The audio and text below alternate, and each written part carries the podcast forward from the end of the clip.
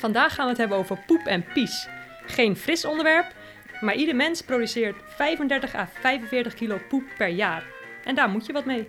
Ja, en dat was eh, vroeger ook al zo. In Haarlem verdween poep vijf eeuwen lang in zogeheten beerputten. En dat is veel langer dan in andere steden. Waarom had Haarlem zo lang beerputten? Was het niet hartstikke goor? Deed het stadsbestuur aan poepmanagement? En waarom liepen er s'nachts mensen met tobben stront door de stad te sjouwen? Onze gast in deze aflevering van Depotcast, de podcast van het Noord-Hollandse Archief, is de Haarlemse stadsarcheoloog Anja van Salingen. Zij weet alles over beerputten en als archeoloog profiteert ze er ook van. Mijn naam is Jan Kruithof. En mijn naam is Lise Koning. En om te beginnen, wat is nou eigenlijk een beerput? Ja, wat is een beerput? Je kent het uit het spreekwoord, hè? De beerput gaat open. Nou ja, dat eh, mogen straks wel duidelijk worden eh, wat er dan gebeurt. Een beerput is eigenlijk een soort afvalkuil. Dan stapel je, ja, hoe moet ik het zeggen? Je graaft een, gat van zeg maar 2 bij 2 meter. En dan ga je bakstenen in het rond eh, opstapelen. Totdat je dus ja, een soort rondje hebt van bakstenen, Echt 2 een meter put. hoog. Echt een Ja. put, zeg maar. Ehm, nou, daar doe je dus natuurlijk ook een bovenkantje op, want anders dan ligt die echt helemaal open. Een kleine opening erin. En dan is in feite je beerput klaar voor gebruik. En waar stonden deze beerputten dan? In, in ieder huishouden? Of, of... Ja, nou, het, het verschilt een beetje. Kijk, bakstenen zijn lange tijd toch nog best wel een duur voorwerp geweest. Dat zie je ook terug in de huizenbouw. Hè. Veel huizen zijn nog lange tijd van hout. Dat is een goedkoper en overal beschikbaar eh, materiaal. Dus ehm, niet iedereen had per se zijn eigen bierput. Je kon ook met elkaar een bierput delen. Ze liggen dus niet gewoon zo op straat hè, voor de deur of zo, net als onze ondergrondse vuilcontainers tegenwoordig. Maar echt gewoon achter in de tuin op het erf. En, Ehm, en, en hoe ging de poep dan in, zeg maar? Ging je dan, liep je dan met een emmertje er naartoe en dan moest je hem keren? Van dan moet ik weer zo'n emmertje Ja, je had, je, had, in? je had zeg maar twee mogelijkheden, eh, grosso modo eh, gezegd. Ehm, ofwel, je had eh, een, een hutje erop staan, een hokje, een secreet zoals we dat noemen. Het heeft verschillende namen hoor. Ehm, maar een secreet, dat kennen we allemaal wel vanuit het woord, scheldwoord secreet. Hè? Een, een houten huisje met een, met een soort stoeltje of een krukje boven het stortgat in de beerput. Het, de beerput zelf heeft een klein gaatje waardoor alles naar binnen eh, eh, gegooid kan worden. Ehm, als, je, als dat er niet was, dan, eh, dan had je thuis een, een piespot. Meestal, en zeker door rijke mensen, wordt die s'nachts gebruikt. Dan wil je dus niet in het donker naar buiten in de, in de kou en in Ja. het donker om op de secreet te zitten. En dan kan je dus de piespot gebruiken. Rijke mensen hadden vaak ook nog wel een, een stoel. Hè, zoals je tegenwoordig ook wel zo'n steekstoel hebt. Daar zit dus de pot onder en dan ga je op de stoel zitten. En dan is de bediende morgens het haasje om al die potten te legen. En eh, je had ook mensen, vandaar het woord koude kak. ehm, die deden alsof ze een kakstoel hadden. Want dat was ook iets alleen voor de rijke mensen. Maar die had je helemaal niet, want daar had je het geld niet voor. Je had die stoel niet, je had de bediendes niet. Dan deed je net alsof je een kakstoel had, terwijl je ook gewoon buiten op het secreet zat of op de piespot. En dat noemen ze dus koude kak. Ah. Omdat ze dus toch naar buiten moesten om te kakken, in plaats van op de kakstoel. Daar koude kak. Geweldig. Ja, Hoe, hoe pakte de stad dit nou aan? Want je hebt al die stront. En op een gegeven moment, zelfs zo'n beerput zit op een gegeven moment vol. Mhm. En dan? Eh, ja dan, dan kun je twee dingen doen. Of je legt een nieuwe aan, of je laat hem legen. Nou, de professionele legers, eh, om het zo maar te zeggen, de, de secreetreinigers, zoals ze dat noemden, die, eh, ja, die, dat was hun werk. Die gingen dan s'nachts, kwamen ze eh, bij de dichtstbijzijnde gracht, kwamen ze voorvaren in een grote, ja, noem het maar, platte schuit. Daar ging dan die drek uiteindelijk op. Dan gingen ze met grote tonnen, dus twee mannetjes met zo'n stok en dan een hele grote ton, gingen ze naar jouw, jouw bierput. Ehm, dan werd de bovenkant kapot geslagen. Dus dat kleine gaatje, dat is natuurlijk niet te doen om het daardoor te legen. Dus dan werd de hele bovenkant, het koepeltje, werd eraf gehaald. En ja, dan deden ze hun ding. En dan gingen ze gewoon letterlijk alles eruit scheppen. Met van die grote houten scheppen. Dat ging in de ton. Als die ton vol zat, dan hobbelden ze weer naar die schuit. om die, die drek erin te gooien. Nou, en dan weer terug totdat de put helemaal leeg was. Ehm, nou ja, en dan kwam de volgende dag uh, de, de, de metselaar om, om, om die koepel weer dicht, in dit geval wel te metselen. Ja. Omdat die stuk is, je moet hem natuurlijk weer afsluiten. Uh, waarom was het dan s'nachts? Nou, ik kan me voorstellen, het sowieso s'nachts was het ook niet prettig. Want als je dus mannetjes hebt die een twee meter diepe grote put open gaan gooien met, nou ja, een aantal jaar aan, aan poep en pies erin. En, en etensresten en dat soort dingen, dat dat enorm smerig is. Dus je wil dat gewoon overdag niet meemaken waar iedereen bij is. En, en dat ze door iedereen. Sowieso is het s'nachts natuurlijk een stuk rustiger. Dus ze hebben ruim baan om het te kunnen doen. Maar het geeft een hoop stankoverlast. en ja, dat wil je zoveel mogelijk beperken. En dat doe je s'nachts dan. Want, want we hebben hier een ordonnantie uit, uh, uit, uit 1658. En dat is een ordonnantie um, voor of over de. Nou, nu ben ik even. Dit is een ordonnantie over de secreetreinigers. Ja, ja, die hebt dus uh, een tijd. Uh, op een gegeven moment denkt het stadsbestuur. Nou, hè, prachtig systeem, die beerputten. Uh, maar wat ik zei, mensen kunnen hem zelf legen. En nou ja, uit kostenoverweging doe je dat dan ook sneller. Um, en ja, wat moeten we daar nou mee? Want dat moeten we gewoon uh, slimmer gaan doen. Een soort groene politiek hè, om het gezond te houden in de stad. Um, mensen mochten ook bewust niks legen op, het, op, op de grachten. Had natuurlijk ook te maken met de bierindustrie bijvoorbeeld. Maar ze wisten ook heus wel vies water in, in de stad, ook waar mensen van drinken. Dat is niet zo, uh, niet zo slim. Dus we moeten iets. En vandaar dat ze ook um, ja, verordeningen, regels uit, uitbrachten van ja je gemeente, als je het zelf gaat zitten doen, dan krijg je dus een boete van 50 gulden. Nou, als je bedenkt dat in de 17e eeuw gemiddeld iemand 500 gulden per jaar verdient, dan is dat een hele dure als je het zelf gaat zitten doen. En het gold ook voor degene, um, uh, bijvoorbeeld uh, uh, als je dat illegaal deed, voor iedereen die daar aan meewerkte, kreeg gewoon 50 euro boete. Dus ja, dan laat je het wel uit je hoofd. Tenminste, voor 50 gulden heb je ook weer drie beerputten, ja. nieuwe beerputten. Dus dat liet, ja, op die manier probeerde de gemeente dat een beetje, een beetje uh, te reguleren. Wat ging er nou gebeuren natuurlijk met die schuit vol met uh, drek, om het zo maar te zeggen. Die uh, werd ook s'nachts, zeg maar aan het eind van de nacht, begin van de ochtend, ging hij de stad uit. Die werd naar het vuilrak, daarom heet het ook vuilrak, gevaren. En daar werden die schuiten op het land geleegd. Dus, uh, voor, de niet-Haarlemmers, dat, dat heet nu gewoon nog steeds zo? Ja, dat heet nog steeds zo, dat watertje. Dat zit aan, het noordoosten, aan de noordoostkant van Haarlem. Nu natuurlijk uh, niet meer buiten in het weiland, maar goed. Um, en, en daar werd het nou ja, op het land gewerkt. Uh, vandaar dat we ook daar nog wel in die buurt ook veel van dit soort uh, huishoudelijke resten vinden. Want het drap zelf, dat is natuurlijk organisch materiaal, dat ligt er niet meer. Maar bepaalde scherven, dus, er zat natuurlijk niet alleen uh, poep en pies in, maar ook scherven en, en voorwerpen, kapotte voorwerpen.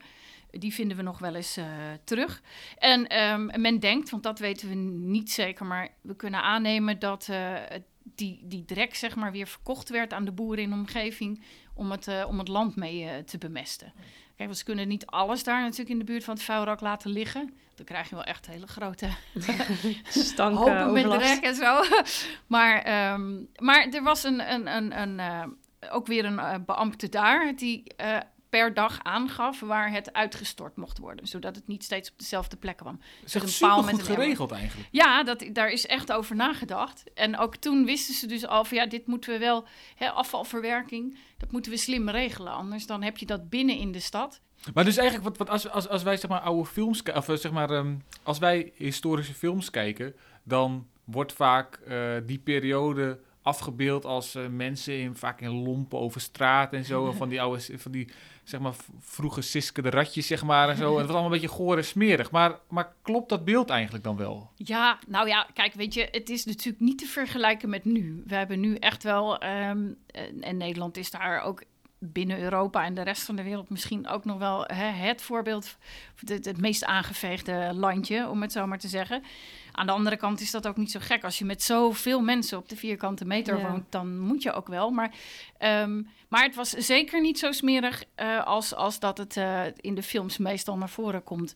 Uh, al, althans, het traditionele beeld -hmm. van, van wat jij nu net schetst. Er werd wel degelijk ook, ook nagedacht over hoe we het schoon hielden. En er is natuurlijk altijd wel een verschil verschil. Dus nu ook met die coronaregels.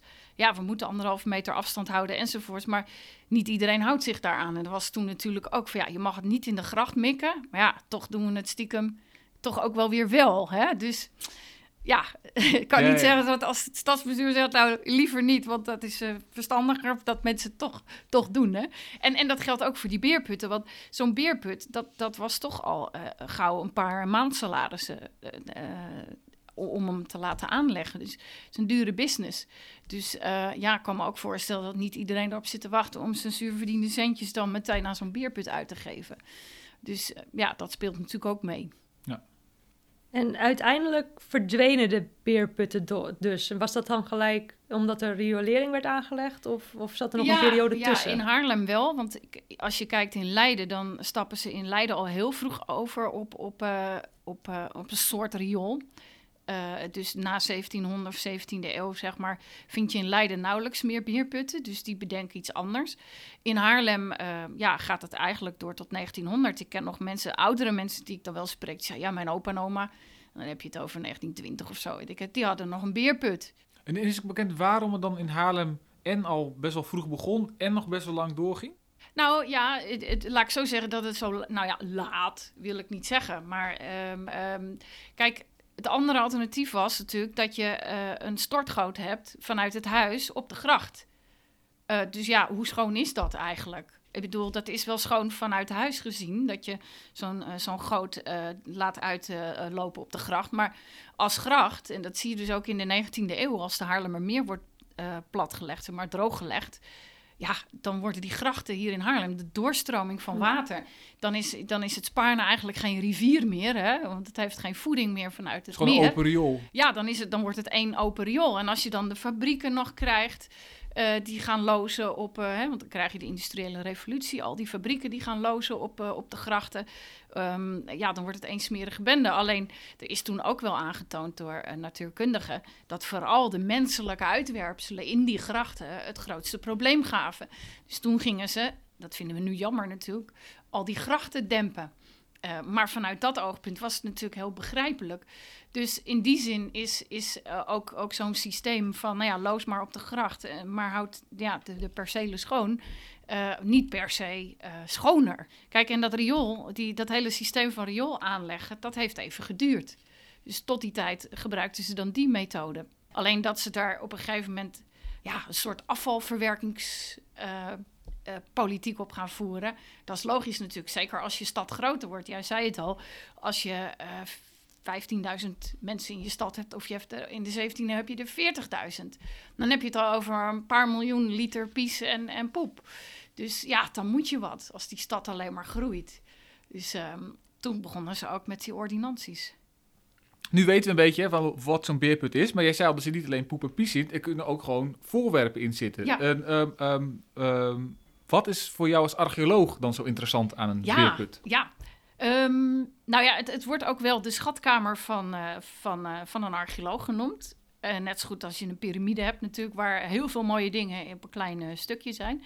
Ehm, schatkamer in de zin van, je hebt natuurlijk, als je hem gebruikt, krijg je een soort opeenstapeling van allerlei voorwerpen. En in dit geval natuurlijk ook poep en pies, pitjes, zaadjes, slachtafval, hè, dus botjes en, en, en dat soort dingen. En dat, dat stapelt zich maar op. Dus je hebt een hele lange tijd waarin zich dat natuurlijk eh, concentreert. Ehm, de rest zi- zijpelt weg, zeg maar. Dus er blijft echt een hele dikke laag over.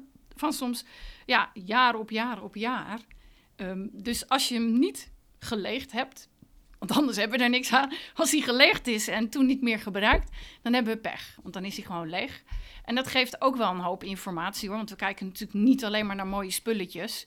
Of niet mooie spulletjes, maar gewoon Wat, überhaupt wat, wat heb je nu bijvoorbeeld in, in, in- je pakt net iets op? Ja, ik voor, heb, voor eh, ik heb verschillende nou ja, voorwerpen meegenomen die je in de beerput kunt vinden. Eigenlijk moet je eraan denken dat los van de poep en de pies en het afval uit de keuken, hè, van, je eten, eh, van je eten en drinken, eh, zitten er soms voorwerpen in. Iets is echt stuk en dan moet je het kwijt. Eh, vaak wat je dus niet veel vindt is hout, want hout kun je gewoon op de haard gooien. Dan heeft het een tweede functie. Eh, het zou ook zonde zijn om het niet te doen, want ja, eh, hè, wil je verwarmen kost ook geld, dus hout is fijn. Ehm, Maar zoals je ziet, veel aardewerk en glas en zo, dat kun je niet op een gegeven moment meer herbruiken. Dus dat gooi je in de beerput. Ik heb hier bijvoorbeeld een schoentje, een kinderschoentje. Is echt nog heel intact. Die is echt heel mooi eh, intact. Ehm, maar op een gegeven moment, ja, kijk, je ziet ook vaak, hier is die stuk. eh, dit is in dit geval een kinderschoentje dat aan de achterkant is opengeknipt. Omdat het kindervoetje groeit. Schoentjes van leer zijn vrij duur in die tijd. Eh, dus dat wil je zo lang mogelijk gebruiken. Dus dan knippen ze de achterkant weg, want dan kan dat voetje er toch nog even in. Vaak zie je dat ook aan de voorkant. Deze is gewoon versleten, maar dat je de voorkant, de teentjes eraf knipt. Hè, want dan kan dat voetje toch nog die schoen een jaartje dragen. En eh, wat altijd wel heel aandoenlijk is, vind ik, bij dit soort schoentjes, is dat je deze manier van sluiting, dat is een knoopje, een soort knoopje, eh, bovenin. Dit is zeg maar het klittenband van tegenwoordig voor Oh. kleine kinderen die hun schoenen nog niet kunnen strikken. Eh, de- dit soort eh knoopstaartsluitingen, die ehm, gebruik je dus voor kinderen, want die kunnen dan zelf hun schoenen Is aantrekken. het zo dat je dan de, het touwtje door dat andere gaatje trekt en dan dat knoopje er dan Ja. doorheen vliegt en die houdt ja, hem vast? en die houdt hem vast. Ja. We hebben er heel veel van dat soort dingen, van, van leren voorwerpen, vooral schoenen of, of eh, schedes van messen, eh, hè, van die eh, buideltjes, dat soort dingen. Als dat echt helemaal stuk is, je kunt er niks meer mee, dan, dan wordt het weggegooid.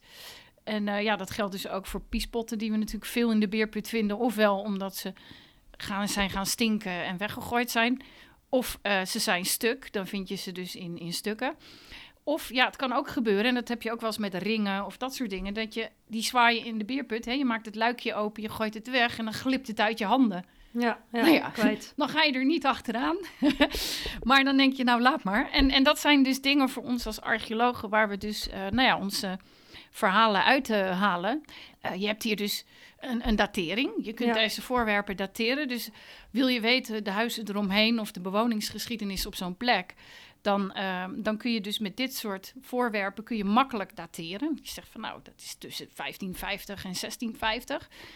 Ehm, het zegt ook iets over de status, de gebruikers, eh, de status van de gebruikers. Zijn ze rijk, zijn ze arm? Even zwart-wit gezegd. Eh, want ja, ehm, dan vind je dus bij rijken andere voorwerpen of ander eten, hè, etensresten, eh, dan, dan bij de armere mensen. Als je kruidnagels vindt in 1300, is dat heel bijzonder. En dat is dan vaak, dat zijn hele dure eh, eh, etensresten, zeg maar, of kruiden in dit geval. Ik Eh, wist niet dat we, dat specerijen. al, dat we die, ik dacht dat we die eh, in 1602 eh, pas...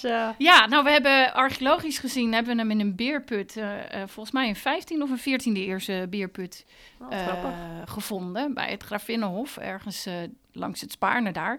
En daar zit hij al in de beerput. En nou is daar ook wel bekend, ook vanuit het archief, wie daar woonde, voorname dame. En ehm, ja, die had kennelijk dus al de beschikking over kruidnaals. En dat kwam dus van heel ver weg Ja, eh, in die tijd. En, ehm, en dat was dus ook heel, heel eh, exclusief. Maar hoe, hoe- één, één kruidnageltje is uit 1400, zei Mhm. je. Maar hoe, hoe blijft zo'n kruidnageltje dan bewaard? Ja, het, het mooie is, eh, het fijne is dat ze in die beerputten dus niet alleen spullen, hè, etensresten en, en gebruiksvoorwerpen gooiden, maar dus ook die poep en die pies.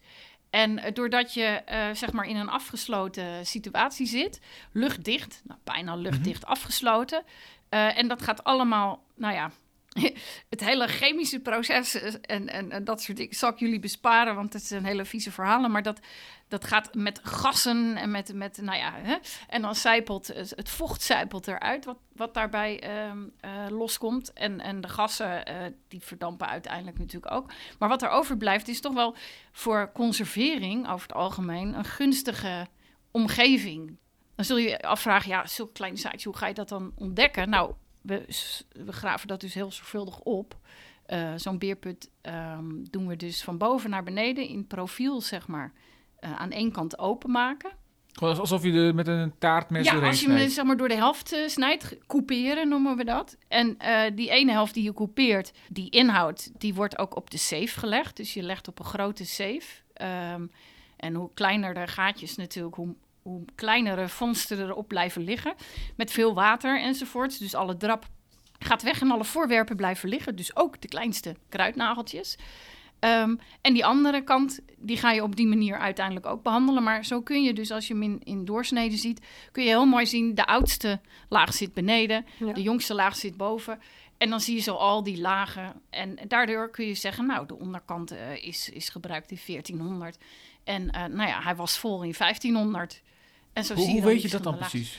Nou ja, dat weten we dan vooral. En natuurlijk niet door de poep en de pies, want dat is lastig te dateren. Dat is een hoewel- hele oude drol. ja, het is een hele oude. Ja, dus dat noemen we ook wel een coproliet. We vinden dus ook wel eens over drollen gesproken. Eh, hele oude drollen versteend in de beerput. Eh, in het museum bij ons hebben we daar een aantal voorbeelden van liggen. En dat zijn echt gewoon menselijke drollen die versteend zijn. Die worden geanalyseerd en dan kun je dus zien eh, in zo'n drol hoe de, degene die hem gelegd heeft, ehm, eh, wat voor gezondheid die had. Nou, Ja. dan vind je ook veel parasieten en, en dat soort dingen weer terug. Ehm, eh, dingen die wij gelukkig tegenwoordig hier in Nederland niet meer zoveel hebben. Spoelwormen en andere, nou ja, vieze dingen. Ja. Die vind je dan terug in die, in die drollen. En ehm, ja, dat, dat is dus eh, waarom we zo blij zijn als archeologen met dit soort informatie. Maar, je- maar je was gaat zeggen van hoe, je- hoe je dus kan zien hoe oud... Ja, oh sorry. Ja, je ziet dus, eh, dus niet aan die drollen hoe oud het is, maar dus wel aan de vondsten. Dus eh, kijk, zo'n schoentje kan je dan dateren. Dus als je de, de, de gebruiksvoorwerpen, zeg maar, uit de onderste laag, eh, ja, die zijn vrij gemakkelijk te dateren. En zo verder ook. Dus op die Ja. manier kun je dus... Kijk, want zoals zo'n baardmannetje, eh, die, deze, dat, dat is een, een, een soort drinkflesje. Hè? een- En, en die hebben ehm, op de hals hebben ze een, een, een ernstig kijkend mannetje. Met een Mhm. hele grote baard. Tegenwoordig van die hipsterbaarden. Hè? Nou ja, zo dus. En ehm, hoe groter de baard, hoe eh, mooier ze dat eh, vonden. En eh, een neusje en nou ja, andere versierseltjes erop. Die verschilt, die bestaan van 1500 tot 1550, sorry, tot 1700, dus 150 jaar. En in het begin is het heel exclusief. Eh, dus ja, dan, dan kopen alleen de rijken zoiets. En op deze een gegeven informatie, die, hoe weet je dan dat dit eh, toen gebruikt werd uit, uit geschreven bronnen? Eh, Of kan je dat dan echt dateren je- aan het... Want hoe, hoe dateer ja, hoe dat? zeg dateren maar? eh, archeologen aardewerk? Dat is begonnen met Griekse vazen en Romeinse potten en dat soort dingen. En de, ja, dat reikt te ver om dat hier uit te leggen. De, de, de, de opvolging van de ontwikkeling van vormen en Dat staat gewoon een beetje vast, dus daar kan je het dan... van, eh, ja, ja. Dat, staat, Oh. dat staat vast. En je ziet het deze, natuurlijk, we zitten hier in, eh in 16e en de 17e eeuw, dus dan kan je ook veel op schilderijen eh ja, duidelijk. Ja. tevoren halen. Dus, En, je, ehm, dus je vindt gewoon zeg maar of zo'n schoentje of zo'n pot en dan weet je gewoon of deze kwamen voor in die en die periode, dan is Ja. die laag dus uit die Precies, periode. want kijk, op een gegeven moment, en dat zie je ook in de beerputten terug. In het begin vind je die, beer, die baardmannetjes eh, vrij weinig, of alleen in rijke putten. Maar op een gegeven moment, hè, 150 jaar later, dan is het eigenlijk van een heel exclusief object op tafel naar gewoon eh, iedereen heeft het in de kroeg en in de keuken. En dan is het een soort, ja, gewoon je aardwerk bij Ikea kopen en niet meer eh Villeroy en Boch, of hoe heet dat, eh, Wedgwood. En ehm, nou ja, dan, dat, dat zie je dus ook terug in die beerput, maar dat zegt dus ook iets over de datering. Het is wel prachtig. Moet je hem even een kwartslag draaien, zodat Jan de Baard ook ziet. Zie je het? Oh, wacht, ik zit trouwens helemaal naar het verkeerde Ja, poppetje ik, te ik dus kijken. eerst ook. Ik zag pas is- later, ik zat aan het kleine... Het kleine Oké, even, even voor de luisteraar. Je ziet dus zeg maar een, eh, een soort ehm oliekannetje-achtig lijkt een beetje. Of eh, nou, in ieder geval een klein kannetje. ja, maar er staan ehm 1, 2, 3... Ja, drie eh, soort... eh, Ja, muntbiljetten. Ja, ja, lijkt het net klein zo'n eh, te Ja, biljetten. eh, Munt- poppetjes op de grootte van een munt. Alleen eh, de hals van het, eh, van het kannetje, daar zit echt een enorm woeste, Wodan-achtige figuur met een enorme baard inderdaad. Maar die zie je wat minder gauw. want Je, je let als eerste op die muntjes, zeg maar. Oh, ja, ja. Maar, maar, dan, maar dan zie je Ja, de een baard enorme zag ik ook baard. pas Nou, eh, en dan is dit ook een heel klein, eh, heel klein kannetje, maar je hebt ze dus in alle varianten en dan echt tot 30, 40 centimeter eh, groot. Eh, en dat is dan bedoeld om bier in uit te schenken. Dus daar zat dan bier in en dan kon je met die kan iedereen eh, inschenken. En ehm, ja, dat mannetje inderdaad, het, het doet een beetje denken aan zo'n enorme woeste hipsterbaard. Ja, hij is ook echt hij is ook heel mooi gestaald, zeg maar. Met zo'n Ja. mooie scheiding in het midden en zo. En zo'n mooie lange snor. Het, het, het idee was dat, eh, dat dit mannetje je moest verleiden om, eh, om je over te geven aan eh, nou ja, het wilde. Hè? Niet meer alles keurig en beschaafd, maar gewoon lekker je gang gaan. Drink drink lekker, laat je gaan, weet je zo. Eh, dus eh, je hebt ze in alle varianten inderdaad. We hebben ook eh, voor de tentoonstelling, eh, eh, die Bier en Baard gaat heten, eh, mensen gezocht om op de poster te staan. Dus we hebben echt een, een, een idols-achtige eh, zoektocht gehad naar eh, wie heeft de mooiste baard en wie lijkt het meest op een baardman uit de 17e En eeuw. gevonden? Ja, we hebben hem gevonden, Oh, mooi, zeker. mooi. Nou, een heleboel mooie exemplaren eigenlijk. Dus eh, Leuk. je hebt nog veel mannen die zo, eh, zo wild rondlopen. Ik Hebben, hebben heel nog naar de wc. Hè? Mag ik heel even snel naar de wc? Eh, ja, nee, we, hebben, gaan alleen praten over Pies. We Ga gaan je niet-? Jij brengt het gewoon in de praktijk. We Neem moeten de microfoon even mee. Ja, ik dan, ga eh, we kijken hoe het Nu even live.